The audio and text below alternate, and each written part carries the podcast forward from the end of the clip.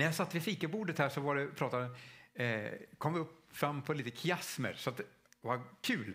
Eh, hur många känner till en kiasm? Bra, då har du kommit hit rätt Karina. Efter den här dagen ska du liksom, ja, han berättar om kiasmer, jag vet vad en kiasm är, det, det är mitt mål. Så vi ska titta lite på strukturer i Bibeln och vi ska titta på psalm 23, den här älskade psalmen som liksom, och vi ska se hur fint strukturerat den är.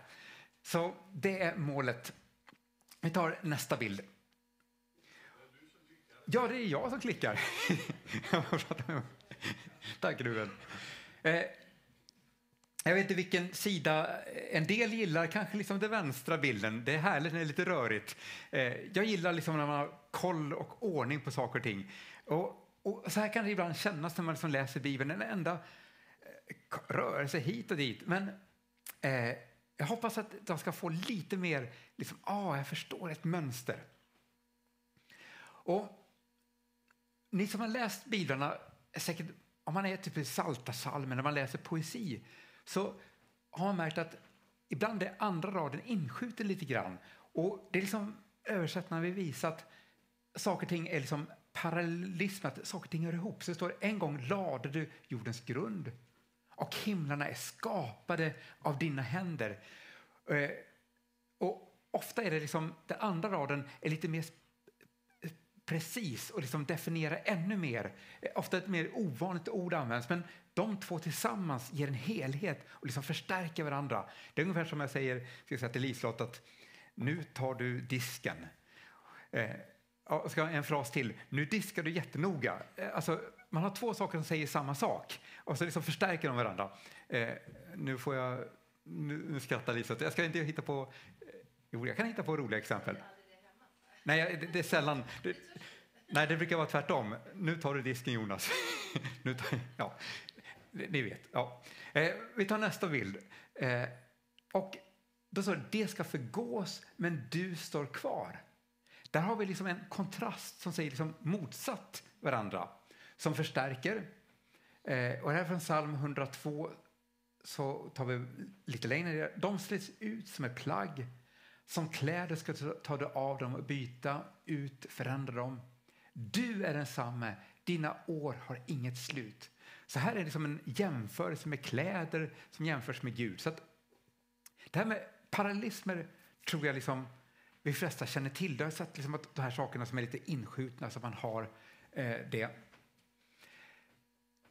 Ett annat sånt här sätt att skriva är liksom att ha alfabetiska, eh, akrostiska, ett fint ord för hela poesi.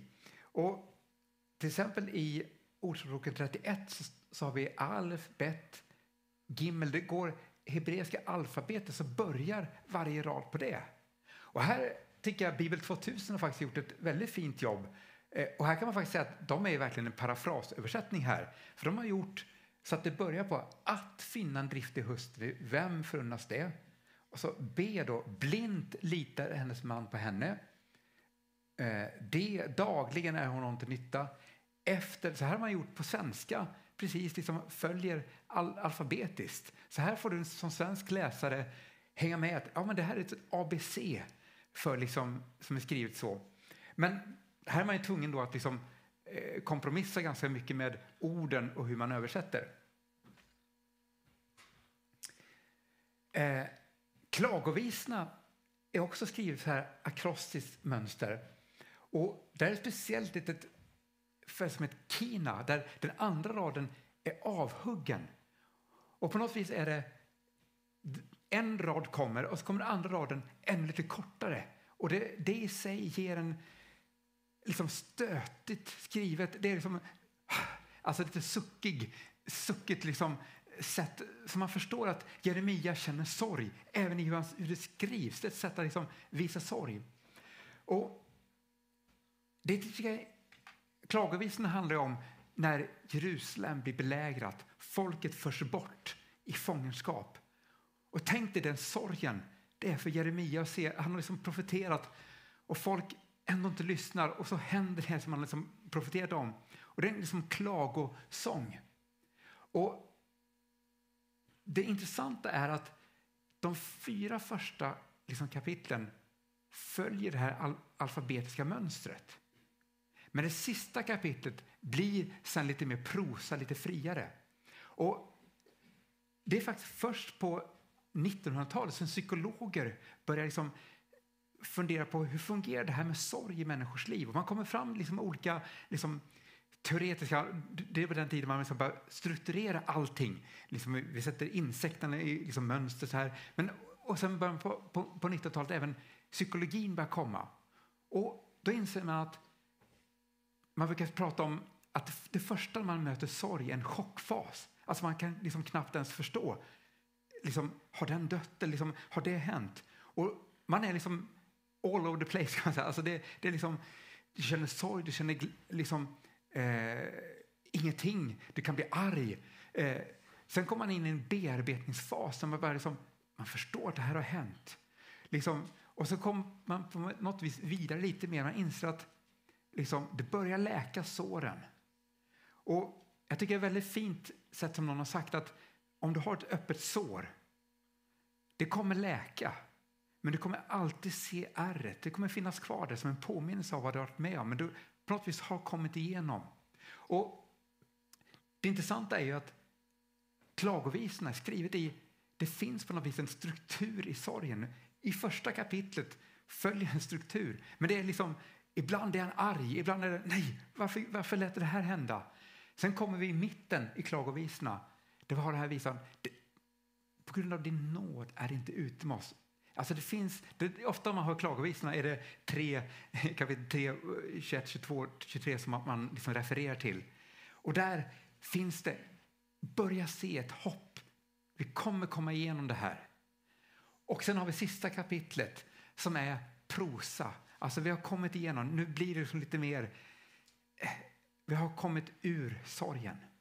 Så det är intressant att liksom, Bibeln har de här mönstren som liksom vi långt senare sen liksom börjar liksom koppla in i hur fungerar vi människor med sorg och med sådana saker.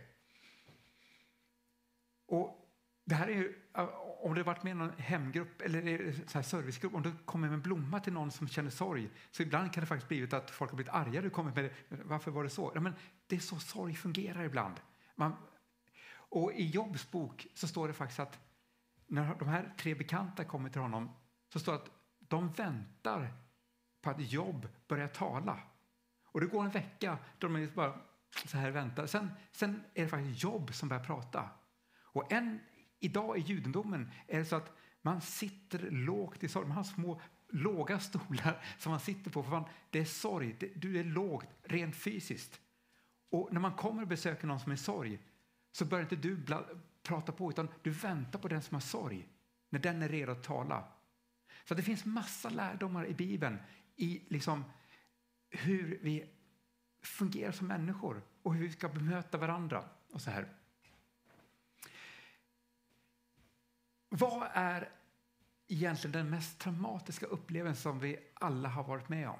Är det någon som vågar gissa på det? Det är faktiskt när vi föds.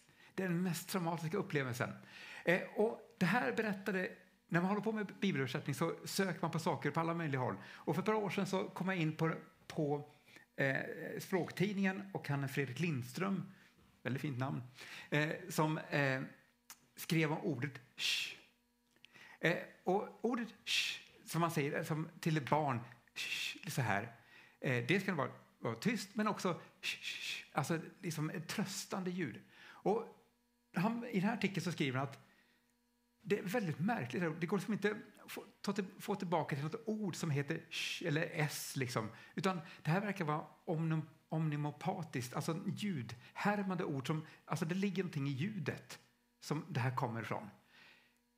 Överallt i världen kan du gå och titta på mammor som säger sh till sina barn. Till och med i Finland, när man får ske-ljud, så säger man till sina barn. Alltså, går det tillbaka tusen år? Alltså, folk har sagt det här alltid.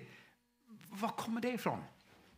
Så i den här artikeln så skriver han att när vi ligger i mammas mage, efter ett tag så faktiskt börjar hörseln utvecklas, alltså vi på något vis hör saker. Och vad händer om du vrider på en vattenledning, om du tänker på att spola toaletten eller vrider, så, så susar det i rören. Det är en rent liksom, eh, fysiologisk sak att när vatten rör sin ledning så blir det susande ljud. När du ligger i mammas mage, så det du hör är ett konstant av, av liksom blodet som cirkulerar runt. Och när du finns i mammas mage så är det egentligen ganska så bra tillstånd. Alltså du har direktmatning med mat, alltså det funkar bara rakt, liksom, du får mat. Du har nu för tiden, liksom, för ett par år sedan så var det inne att bygga så här liksom, eh, glasverandor. Sen har det kommit nu att ska man ha hot tubs, liksom, det verkar vara inne. Men alltså tänk när du är i mammas mage, du har liksom perfekt temperatur, du har mat, allt, livet är perfekt. Liksom. Mamma kanske sjunger lite och du hör det. Men alltså, och sen föds du, den mest traumatiska upplevelsen. Det här ordet shh, verkar, skrev han i artikeln, verkar vara som att vi, vi kommer ihåg, det är kopplat till när allting var bra, när det var perfekt. Så det lugnar, ja visst ja, shh, shh, och det, barnet får den här kopplingen till hur det har haft allting bra. Så troligtvis kommer ordet shh ifrån den här liksom, att vi, den, den händelsen vi alla varit med om. Det är därför som det oavsett språk, oavsett kultur, så säger vi till våra barn. Och det kommer bli bra, det ordnar sig, det är lugnt. En tröst. Och då tycker jag det är väldigt intressant att psalm 1 börjar med Ashre haish asher. Ashre haish asher. Det är sh, sh, sh. Den börjar med tre stycken sh-ljud. Och när vi läser Saltaren så vet den boken har sådana profetier om Jesus som skulle komma. I psalm 22 så talas precis om att Jesus ska bli korsfäst. Och det är intressant, i psalm 22 om du tänker om man är i Israel och ska vittna för en jude, ja, men läs psalm 22, korsfästa mina händer och fötter. Så tror man i sin hebreiska bibel så har det liksom med lejonens, alltså det är en helt annan översättning. Och du blir liksom lite ledsen och besviken. Eh, men det intressanta är att det är en liten bokstav som kan vara olika. Och i den masoriska texten så är det det som inte blir händer och fötter genomborrade. Men när man hittar de där havsrullarna så är det faktiskt den orden som är genomborrad. Så det, men alltså, Saltarsalmen är en sån psalm, eller hela Saltaren, om att Gud har allt i sin hand. Gud är den som kommer liksom vet början från slutet, det profetiska om Messias som ska komma. Alltså där, hela den boken. Och på något vis är det, shh, shh, shh, mitt barn, det är lugnt, jag har kontroll. Så börjar hela Saltar-boken och första versen är rikt välsignad, salig, mycket lycklig. Och ordet välsignad det står i plural också här i början. Eh, den som inte går till det gudlösa för förråd, som inte står eller har gått in på syndarnas väg, som inte sitter bland hånfulla föraktare. Istället har han sin glädje i Herrens undervisning och begrundar, tänker eh, hans undervisning både dag och natt. Och att det är så fint i, i hebreiskan, ordet Tora betyder, ofta översätter man det med lag, men det betyder egentligen undervisning och det kommer från det verb jära som är kasta. Och ibland översätts det faktiskt Tora med att träffa målet. Det står bland några pilskyttar som de gör Tora, de träffar målet. Och så här enkelt är det att Guds undervisning pekar på Gud. Det är alltså att få träffa målet. Synd, både i hebreiska och grekiska, betyder att missa målet. Så det här är liksom så enkelt så att barn kan förstå det. Gud vill att vi ska vara med honom. Att liksom, hela undervisningen pekar på vem Gud är, att vi får gemenskap med honom. Allt annat liksom, det drar bort från målet att få ha gemenskap med Gud. Men Saltaren börjar med att den som inte går till gudlösa förråd, som inte står på syndares väg, inte sitter bland hånfulla föraktare. Och här märker jag att det är faktiskt ett steg. Det börjar med att gå. Sen det står och sen är det att sitta. Alltså det, det är tre steg. Och det är intressant hur det här faktiskt undervisar att Och det här är väldigt praktiskt. Alltså, nu lever vi i tider, liksom, ja, nu är det svåra tider, vad ska vi göra nu? Alltså, som troende har vi helig ande. Vi har Guds ord. Vi behöver inte gå till världsliga rådgivare. Hur ska vi göra nu? Vad, vad, vad tror ni när det händer det här? Nej, att gå till gudlösa för råd, det behöver vi inte göra. Inte stå bland syndares väg. Och det är intressant att om du står bland människor, då har du stannat till och det börjar tala till dig. Det börjar liksom faktiskt påverka dig. Och det slutar med att sitta bland hånfulla fraktare. Och i, i den här liksom Mellanösternkulturen och även i vår kultur, det heter lärosäte. Det här handlar inte om att du bara sitter, utan här handlar om att du också lär ut. Här är någon som har blivit, liksom, börjat gå till andra, har stått och sen slutar det med att sitta och inte bara att man själv har blivit liksom, eh, liksom fördärvad, du liksom kastar ut.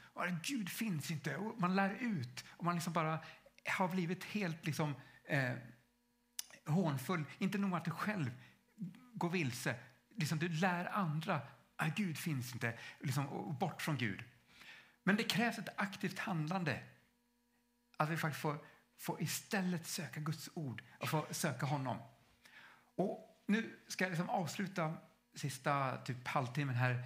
Vi kan titta lite på, eller kanske 20 minuter, vi får se. Om ni ser glada ut, det beror på eh, Men psalm 23. Och, eh, det här är en bild från Jerusalem. Eh, man ser ofta liksom får eh, runt omkring den här trakten än idag. Eh, och, och, och, jag lärde mig bara för ett tag sedan att, att eh, varför man ofta har får är att de är liksom lite, lite snällare. Getter de är svåra att ha koll på. De, de hoppar och liksom hoppar över. Så att liksom, fåren är liksom lite, lite mer liksom lättare att ha, ha, ha med. De, de, eh, är, det är intressant att Bibeln använder bilder på får och getter. Och också att liksom, fåren är liksom lite de som eh, följer Jesus, han har den bilden. Och så. så det finns ofta kopplingar med saker och ting. Men psalm 23 är eh, skriven av David och han levde liksom någonstans tusen före Kristus. Har vi där. Och, och en del bibelforskare undrar, är han liksom, är det, skriver han när han är gammal eller när han är ung? Vi vet att han var fåraherde. Han jobbar ju som det som ganska ung. Så de bilderna finns med i den här salmen. Eh, samtidigt har salmen med också dödsskuggans dal och fiender och vila. Så att, kanske har varit med om det saker. Hans egen son gör ju uppror, Absalom. Så att, men jag tror att det kanske är lite, lite äldre när han skriver den här salmen. Men eh, eh det är ofta intressant att försöka sätta sig in i bakgrunden till saker och ting. Men vi vet ungefär, liksom något av det kan det vara. Eh, och titta vad fin den är.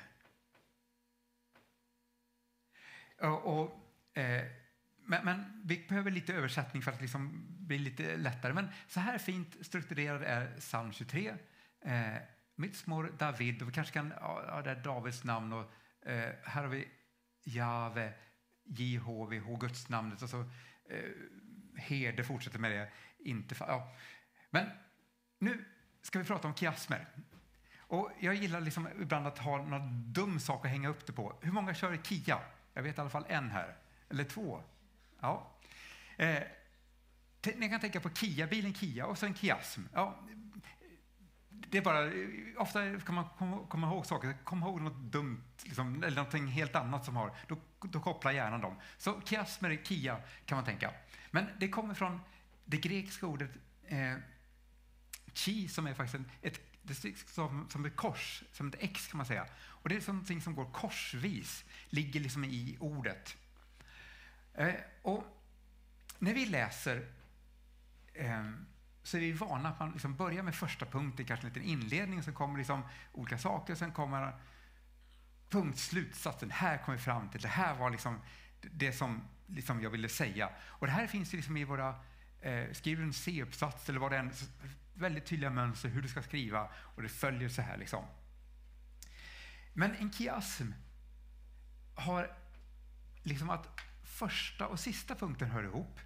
Andra och näst sista, eh, tredje och som tredje från slutet. Och så har man, kommer man någonstans till mitten som liksom ofta är en höjdpunkt, eller liksom någonting som är lite fokus.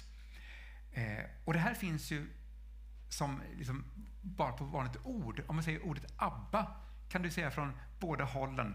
Eller klassiska naturrutan går att säga liksom både bakifrån och framifrån. Och det här finns ju både liksom i ord, i liksom lite småstycken och även i större sektioner. Men, men det, eh, tar man större sektioner så är det liksom lite mer eh, vanskligt för det finns med tolkningar, men i, i, mindre stycken så är det väldigt tydligt det här i hebreiskan, hur man lägger upp saker och ting. Ibland är det verben, eh, ja, det finns massa saker som det kan liksom, hur, hur det är skrivet. Men vi ska gå igenom psalm 23. Eh, och den första versen är ju Herren är min herde. Och ordet liksom, herde hebreer, liksom är det, i, i Bibeln, en kung kallas ofta en herde. Eh, vi har bilder av en herde som en liksom, fåraherde och herden sköter om fåren på alla områden. Liksom, det är inte så att herden har bara vattnet. Nej, men herden har liksom både vila, vatten, liksom, ser till att liksom, då, eh, trygghet, försvar, alltså allt ligger i en herde. Så att Herren är min herde, börjar den här salmen med. Den sista versen är Jag vill återvända till, eller återupprätta, vill jag bo i Herrens hus alla mina dagar. Och i den här salmen så ordet Herren, det är bara första och sista versen som har Herren. Och här kan man liksom verkligen se att Gud, han är den som finns runt om hela mig. Allting, alltså han, början och slutet, han är den som, som runt om, det är Herren som är liksom, den som sätter liksom ramen för hela vår existens, hela vår tillvaro. Och så står det, jag ska inte sakna någonting. Eh, inte lida någon brist. Och hebreiskan är det här egentligen bara två ord. Lo echsar, inte sakna. Och på något vis är det så fint, alltså om jag säger jag ska inte sakna eh, säng, mat och det och det. Om jag börjar rada upp saker, då, liksom, då sätter jag liksom en gräns att det, det är det här. Men inte sakna. Gud har tänkt att vi ska ha liksom, relationer med andra människor. Gud har tänkt det bästa för ditt liv. Det bästa för ditt liv. Det, och samtidigt står det inte att Gud har tänkt en guldring och liksom dyraste bil. alltså, Det står inte det heller, men inte sakna. Och jag tycker det är väldigt fint. Det är så enkelt. Nej, vi ska inte sakna. Eh, och så har vi andra stycket liksom nerifrån. Så det, ja, ja, så är det verkligen. Och det är som Hebreers ord som liksom betonar, ja, din godhet och nåd ska förfölja mig varje dag i mitt liv. Och här har översättare ofta skriver ska följa dig. Men det här ordet förfölja, för, följa är egentligen förfölja. Det används på andra ställen när folk jagar någon. Alltså det, är, det, det är ett ord att liksom springa efter, att vara på någon.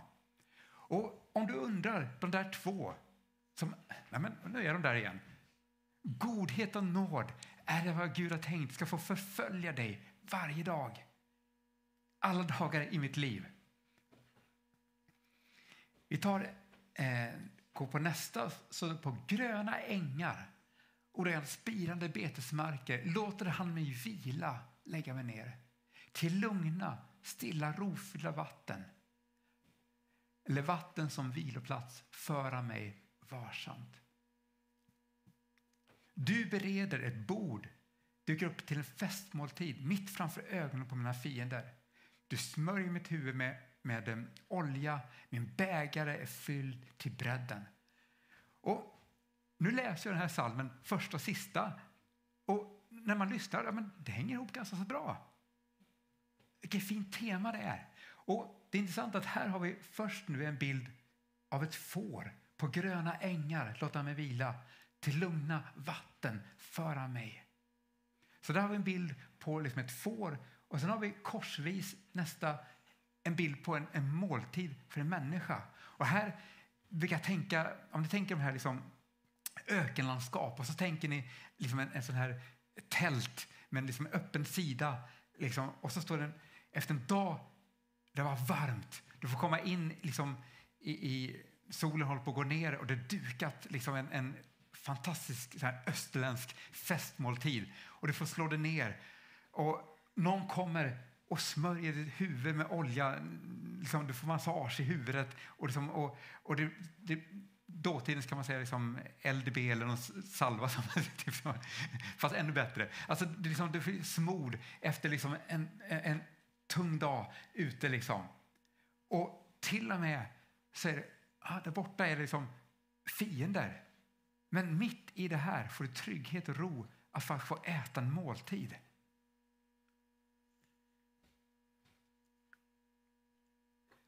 Sen fortsätter det, min själ, hela min varelse, mitt liv vederkvicker han och han leder mig på rätta vägar. Och det här är faktiskt en liten minikiasm.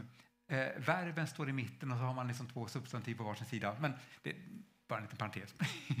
Men eh, även om jag vandrar genom dödsskuggans dal i den mörkaste ravin så fruktar jag inget ont. Din käpp och din stav, det tröstat mig. Och här fortsätter det med att han har, har att göra med ledning. Vi först, först har vi en människa som får liksom... Eh, du leder mig på rätta vägar eh, för ditt namns skull. Och här har vi käpp och en stav. Och det är liksom både heden som har en, liksom en, en käpp som man kan försvara fåren med. Vi har hederstaven. Och ibland av de här liksom små, små lammen så har man den här lilla hederstaven med den här lilla kroken som kan ta tag i huvudet och föra tillbaka lite när du var på väg. Så ibland har man känt att Gud, oj, nu var jag på väg. Nu var det herden där och förde mig tillbaka rätt. Och märkte ni att här uppe var det gröna ängar, alltså fårliknelsen. Nu kommer människoliknelsen med leda på rätta vägar. Här har vi fårliknelse och där har vi människoliknelse. Så att även det hoppar korsvis. Fantastiskt fin struktur. Alltså det, det, här är, det är sån, sån, sån harmoni i den här salmen. Och vad händer nu? Nu kommer vi till salmens mitt. För du är med mig. Alltså, oavsett allting, vad, vad är kärnan i den här salmen? Jo, Gud finns med dig. Trots du jobbar, eller jobbar, du går i dödsskuggans dal. Var du än tittar ner så är det ravin, det är mörker. Du är med mig, du leder mig på dina vägar. Det finns fiender som till och med som bereds, dukas ett bord. Du är med mig. Alltså, hade David skrivit ett mejl, liksom, jag ska skriva samtidigt till er, liksom, till uppmuntran till någon här, så hade det varit liksom, fet stil. Ja, jag tar eh, bold, eh, 32 punkter stil. du är med mig, för du är med mig. Det är, liksom det kärnan i den här psalmen, vad, vad som Gud vill få, eh, få, få, sagt, för du är med mig.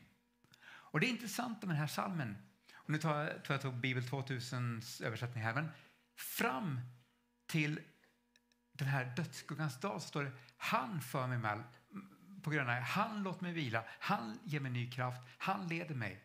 Sen kommer en, en prövning där du går i dödsskuggans dal. Någonting händer i den. Din käpp och din stav gör mig trygg. Du dukar bord, du smörjer mitt huvud. Din godhet och din nåd. Den här salmen ger inte svar på alla saker. Men den visar på att någonstans i prövningen, när det var mörkt på alla sidor, men du ändå var med mig, så gick Gudsrelationen från att vara han, den där Gud, till du Gud. Du är med mig. Och jag vet själv när jag eh, 2011, de här åren jag hade med de här lungkollapserna, eh, var på Örebro lasarett eh, satt med det suset en, en, vecka. Men Gud var så närvarande. Alltså det bland de starkaste gudsupplevelser jag haft i det lilla rummet. Jag var ensam. Eh, jag kunde ringa på en klocka och de passen Lisa jobbade så kom hon dit eh, när jag var i Lindesberg. Men alltså, eh, du är med mig. Gudsrelationen, någonstans i prövningen så sker det någonting. Gud kommer närmare, han blir verklig i vårt liv.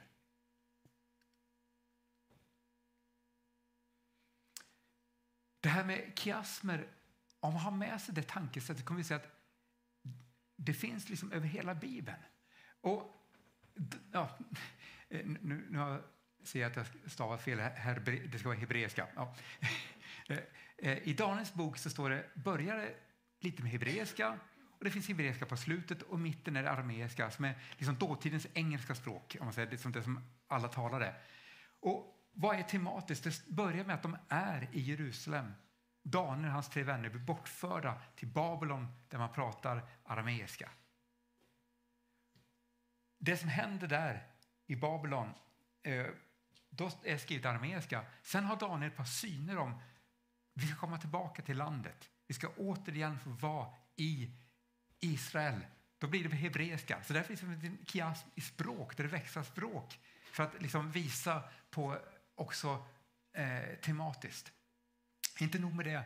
Eh, den arameiska biten har börjar med en dröm, en kung som drömmer om en staty. Och där ser Nebukadnessar det här, eh, ett huvud som är av guld. Han ser liksom ett eh, pansar av eh, koppar och så går det vidare. Liksom, eh, mindre värda metaller slutar med, med, med järn och lera. Men så ser han liksom de här olika rikena och, och det är tydligt att det är ditt rike. Du är liksom det här. Eh, när Daniel, om vi backar liksom kapitel 7 i, eh, i armeniska delen, så ser, ser Daniel en dröm om fyra stycken rovdjur, värre och värre sort. Och då ser vi att de här hör ihop. När en kung ser liksom riken så är det, åh, det, det är glans och det är liksom fina metaller och det liksom är liksom så här. När Gud ser de här makterna, de här storrikena, det är som vilddjur som liksom förslavar människor som sätter i. Om vi går in ett snäpp så har vi Daniels tre vänner som när de ska falla ner i tillbedjan så står de upp. De vägrar när musiken spelas. Och där intressant, det är sex stycken instrument som nämns. Den här statyn är byggd eh, den är sex eh, alnar och jag, jag tror det är 66 hög. Om jag kommer, dubbelkolla. Men talbasen är sex är i Babylon. Och det är intressant när vi läser Uppenbarelseboken om tal som är 666. Men alltså, det är intressant att i Babylon så är talbasen man räknar är talet 6. Eh, men Daniels tre vänner de vägrar böja sig för det och de kastas in i den brinnande ugnen. Och då har man del undrat, men var är Daniel någonstans? Är inte han med? Eh, och han är ju anställd i det här, så han är troligtvis kanske på någon resa någonstans. Men intressant att tematiskt i alla fall så har vi Daniel när han är i åttaårsåldern har en liknande prövning där man inte får tillbe någon annan än kungen. Och de lurar honom att sätta liksom, eh, den här kungen då att få... Men Daniel, han går och ber tre gånger om dagen. Han öppnar sitt liksom, takfönster och ber mot Jerusalem. Och han sätts i lejongropen. Så tematiskt hör Daniels tre vänner, de är i ugnen, Daniel är i lejongropen. Det hör tematiskt så fint ihop. Och så har vi två drömmar, eh, kapitel 4 och kapitel 5. Nebukadnessars högmod och Belshazzars högmod. Så att Kasper kan hjälpa oss att se strukturer även liksom i bibelböcker. Och jag vet att ni öppen, öppen bibel här och läser i första Korinthierbrevet. Och där kryllar det kiasmer. Alltså, den boken börjar med, med korset. Och det är intressant att den slutar med uppståndelse. Och korset och uppståndelsen hör ju ganska fint tematiskt ihop. Sen har vi eh, några kapitel som talar om män och kvinnor i familjen. Och här kan liksom RFSL och RFSU liksom slänga sig i väggen. Paulus han säger mannen har inte rätt till sin kropp, det har kvinnan. Och kvinnan alltså, han är likställdhet med mannen och kvinnan i äktenskapet. Han ligger väldigt långt fram i jämställdhet. Och män och kvinnor i familjen har ett kapitel och har vi liksom, tar vi andra stora sektioner från, från liksom slutet så män och kvinnor i gudstjänsten. Och när vi läser om vissa saker här i gudstjänsten så kan det vara fint att snegla på det här. De hör liksom ihop. Så är det saker som är oklara här så kan det finnas nycklar hur vi ska tolka det i det stycke som hänger ihop. Och sen i mitten har vi en sektion som talar om dåtidens liksom brännande fråga kött offrat till avgudar. Liksom, har någon varit och köpt en, en liksom biff på ICA Maxi och så har de bett till liksom, eh, guden Tor, kan vi äta det eller inte? Ja, ni förstår, dåtidens, liksom, hur ska vi göra här? Alltså det, och där tar liksom Paulus upp att ja, men, vi ska inte liksom, Eh, även om jag skulle kunna sitta, och smaska på det här köttet så nej, men då väljer jag i respekt för min broder att liksom, inte göra det. Och, och, så här. Så att, det är väldigt fint hur vi faktiskt så, eh, underordnar sig varandra. Men om vi tittar på män och kvinnor i gudstjänsten så är det i sig också ordnat som en kiasm. Det står om ordning i gudstjänsten. Eh, och så står det, och, och om du läst Korinthierbrevet så märker du att i kapitel 12 säger det om andliga gåvor. Sen kommer det om kärleken, sen kommer andliga gåvor igen. Och om man inte har det kiastiska tänkesättet så bör man tro Paulus börjar liksom hoppa runt, han blir lite senil. Så att, oh, har jag skrivit om det eller inte? Nej, det finns tydlig ordning och struktur. Och vad säger de? Andliga gåvor står här, andliga gåvor där. I mitten har vi kärlek. Säger det någonting om hur vi ska agera i våra andliga gåvor? Ja, i kärlek ska vi utöva våra andliga gåvor. Det, det det handlar om. Det, är som det betonar det. Eh, och det som är så fint att ja, kärleken i sig, den är skriven som en kiasm. Här har vi, eh, och det här är väldigt ordagrann översättning som Kärby faktiskt gör. Att kärleken är tålmodig och mild. Sådan är kärleken. Så att kärleken ramas in eh, och så tålmodig och mild. Sen kommer på slutet också en liten kiasm. Allt föredrar den, allt tror den, allt hoppas den, allt uthärdar den. Och jag menar, tror och hoppas är lite synonymer.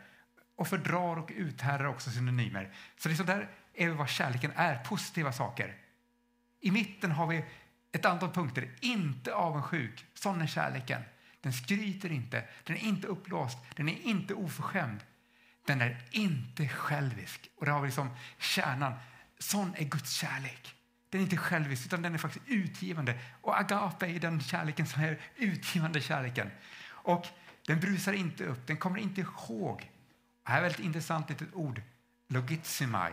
Ett ord som används liksom för dag, loggbok. Och det här, den gjorde det för tre år sedan, eller för 15 år sedan sa du det. Nej, sån är inte kärleken. Den för inte loggbok över oförrätter, utan den är som Guds kärlek. Vadå? Gud glömmer. Gud glömmer. Det är det som är så fantastiskt när man får bli troende. Då får vi tvättas rena. Vad innebär att bli tvättad ren? Jo, det är borta det gamla. Vi har blivit en ny skapelse. Haja om att Bibelns budskap är stort. Vi har blivit renade. Vi är tvättade rena. Det finns inte en loggbok. Ja, har vi inte Jesus, då står det att böcker kommer öppnas i himlen. Och jag tänker den här bilden, liksom, nu är det ofta sådana här reality-tv-shower där en kameramannen hela tiden är med.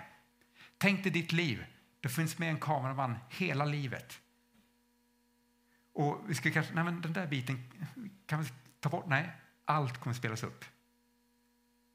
Då blir man ganska så tacksam att ja, men vi hittar ja, Livets bok.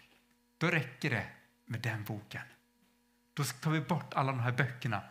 Står det i Livets bok så har du blivit tvättad ren. Eh, den gläder sig inte åt oförrätter utan gläder sig i sanningen. Och De här också hör så fint ihop. Alltså, det är inte som att eh, när, när någon råkar illa ut eller liksom den gjorde det. Nej, den, ja, nu, rätt åt det, det fick du. Utan, men den också gläder sig i sanningen. Så att när sanningen uppenbaras så blir den också glad i det. Eh, nu på sista veckan här så i, i Värmland så har det varit eh, Eh, en del skriverier, har varit e- ett bord med någon som haft den i, i, i frysen. Det blev en stor, stor nyhet. Det var faktiskt precis utanför vårt hus när vi kom hem. Eh, för vi, vi bor i lilla Sundsbyn och det här var ganska nära ett som heter Sundsbyn. Så det var ett kamerateam från eh, Danmark som åkt fel. Så grannarna sa ut att jag tror ni ska vara ett par mil bort och spela in. Så de hade satt upp alla liksom så här lysgrejer och så eh, där. Men då tänkte jag faktiskt att det är hemskt att det har varit mord. Det har legat en kvinna i en frys i flera år. Det, det som egentligen eh, vad som hände att han fick syndanöd. Han kom in på sjukhus och på något vis var han tvungen att berätta vad han hade gjort. Så egentligen, det var hemskt 2018-2019 när det här hände. Men det är positivt att människor får syndanöd och börjar bekänna det man har gjort. Så att egentligen, det var mer hemskt förut än nu. Det, tack att Guds ljus lyser. Att människor har en syndanöd och börjar känna att jag måste göra rätt med mig när man närmar sig livets slut. Och den gläder sig inte åt oförrätt utan gläder sig i sanningen. Sån är Guds kärlek. Ja, alltså kiasmen är så fantastisk. När man börjar se det här så är det, det finns ju överallt. eh, och ni ser ganska så glada ut. Ja, ja men då, då tar vi ett litet exempel till här. Eh, eh, det här är en sån lite spännande sak som jag tycker är så, så kul. Det är också att eh, eh, eh rabbiner så de gillar liksom, eh, varje hebreiskt ord är också ett, eh, en, en, ett talvärde eh, och en symbol. Alltså, varje bokstav har också ett nummer. Så alef är ett, eh, eh bet är två och så vidare och så blir det hundratals. Men, eh, men sen kan man också bara, det finns strukturer. Men om vi, en, det var en del rabbiner som hittat att Berashit, det första ordet i Bibeln, i begynnelsen, det här tauet här, om jag tar den bokstaven, ja, och så räknar vi 49 bokstäver, 1, 2, 3, 4, 5, 6, 7, 8, 9, ja, vidare här bortåt, och så kommer 49 och så 50 bokstaven, eh, så ska vi se, så får du eh, eh, Tora. Så om man räknar här, vi har, tau, eh, eh, resh, och så det hela eh, Tora får du det ordet. Och det är intressant att med 49 bokstävers mellanrum så har du ordet Tora inkodat i de första liksom, verserna i första kapitlet. Och Det kan vara kanske en slump att det råkar bli, men det är ganska intressant att eh, du får bokstaven eh, Tora med 49 bokstäver. Och om vi bara för att testa, eh, liksom, och det här är som i, i begynnelsen, sista eh, tauet där. Eh, I några ord så, så blir det Men eh, om man tar eh, eh Andra Mosebok så får vi också Tora inkodat. Vi har tau och så räknar vi. Eh, och det här är ganska intressant, att det liksom verkar finnas ett mönster i Bibeln inkodat. Och sen finns det väldigt tydligt att det finns liksom bibelkodsböcker som skrivit och ibland kan man liksom komma ut liksom, eh, lite ytterkanterna av eh, liksom, hitta saker. Men det här är en bibelkod som finns i Bibeln. Det liksom går in, den, den finns där och det i första kapitlet så det är så, räknar man så här 7 gånger 7, 49 så, så får du liksom Tora inkodat, det ordet. Och kommer man till tredje Mosebok så nej, då fungerar det inte att få ihop Tora. Men om man börjar titta så har rabbinerna hittat att ja, vi kan faktiskt få eh, J, jod, hej, jod, hej. Så Jave, vi får ordet gudsnamnet Jave finns inkodat med sju bokstävers mellanrum. Och det är ju väldigt fint. Alltså vi har 7 gånger 7 är 49, så vi har Tora, de två första böckerna. Och i tredje Mosebok har vi Jave, gudsnamnet, inkodat. Ja, men det fint. Så glad i hågen går man vidare till fjärde Mosebok. Och nej, vi kan inte hitta Tora. Liksom, man börjar på Tau och räkna för nej, vi hittar aldrig tora, de här bokstäverna. Eh, vi hittar inte Jave heller. Men om man tittar så kan man faktiskt hitta hej först. Och så tar vi 49 bokstäver. Då får vi resh, sen heter vav, heter tau. Alltså vi hittar Tora baklänges kodat med 49 bokstävers mellanrum. Ja, det verkar som någon har haft kul här. eh, och, eh, vi tar den där. Så. Och femte Mosebok, ja, men där finns också Tora baklänges kodad. Man får gå ett par liksom, eh, versar ner innan man, jag tror det är vers eh, 6 och 7, men då hittar vi faktiskt eh, Tora baklänges. Eh, och vad har vi här? Faktiskt första Mosebok har vi Tora. Och så tänker vi femte Mosebok på andra sidan, så har vi Tora som pekar inåt. Vi har andra Mosebok och fjärde Mosebok, Då har vi Tora som pekar inåt. I mitten har vi, vad är kiasmer? brukar vara? Ja, men I mitten är vi centrum. Då har vi Jave, Guds namn, JHVH, inkodat. Och vad betyder Tora? Det kommer från verbet att kasta och Tora betyder undervisning, att träffa målet. Vad är målet? Jo, men det är att ska träffa Gud, rent bokstavligt, att få, få, få ha gemenskap med Gud. Det är vad hela Moseböckerna talar om. Jag vill ha relation med er människor. Jag vill liksom känna er. Det är det centrala. Så Tora, Tora, Jave och så Tora, Tora inåt. Jättefin kiasm, inkodad. Så alltså kiasmen finns i, liksom, i ord, i nummerkombinationer, i mängd saker. Så är det här system som Bibeln använder. Och när vi ser det här så ser vi, titta vad, vad fint Moseböckerna hänger ihop. Det finns en struktur, en tanke i att de, den ordningen de står. Och Gå in och titta på tredje Mosebok.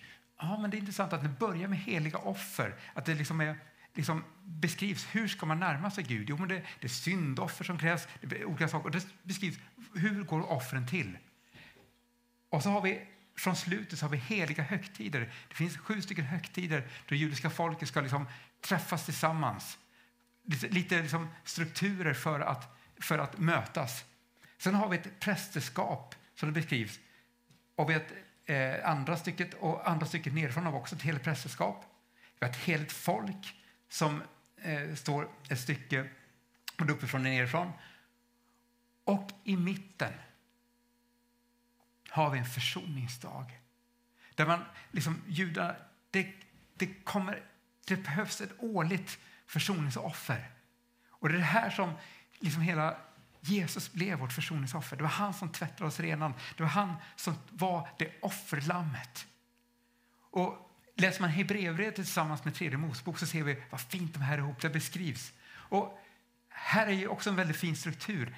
Det först beskrivs som typ av ja, men struktur. Hur ska vi ens liksom... Jo, men det krävs offer och det krävs liksom några liksom, högtider. Det krävs ett heligt folk, eh, ett prästerskap som, är, som kan leda folket. som demonstrerar ordning. Som ett helt folk. Som, så det är så fint hur även den här boken hänger ihop. Och nu är klockan sju precis. Jag eh, vill liksom, den sista versen i hela Bibeln tycker jag är en sån, sån fantastiskt fin vers. Herren Jesu nåd, alltså hans kraft, hans oförtjänta förvar är med er alla. Eller vare med er alla. Det är liksom, så slutar Bibeln. Det är Bibelns sista ord. Vilket fint ord till oss människor.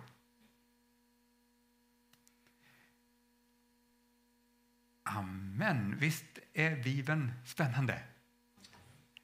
Eh, Ja, för 19 år sedan började jag med det här och liksom, nu snart i mål med detta. Men det är så fantastiskt med Guds ord och jag hittar ständigt nya saker. Så att jag inser att det här är inte bara liksom eh, en, det är ett livsprojekt att få leva och söka i Guds ord. Det är så fantastiskt. Jesus, jag vill tacka dig att du har tvättat oss rena, Herre. Att du är målet att få känna dig, Herre Jesus. Tack att du älskar oss människor så otroligt mycket, Herre Jesus. Tack att du frågar var är du Adam? Du vill ha en relation med oss. Du vill att vi ska rannsaka och se var är vi någonstans. Och du söker oss, Herre Jesus. Tack för att du söker oss den här dagen, Herre. Tack att du ska få välsigna mina vänner idag, Herre Jesus. Tack att den tiden hon la att få komma hit idag, att det ska få vara någonting som också får ge tillbaka, Herre, ditt ord är ett levande ord, Herre Jesus. Du vill ge liv, Herre. Du är den gode heden som för oss framåt på din väg, Herre Jesus. Och jag tackar att du också är den som både leder framåt men också säger stopp ibland. Nu är det dags att vila. Stanna här. Tack att du är en god herde, inte en, en herde som stressar på utan en herde som verkligen äger fåren, inte en lejd herde utan en ägande herde som känner det hela livspusslet, som vet allt. Tack Jesus att du är den gode herden. Tack att du är dörren, du är vägen, du är livet. Det är dig vi får gå igenom, Herre Jesus. Och du har kommit för att ge liv och liv är övernog. Tack Jesus. Tack Jesus. Mm. Amen.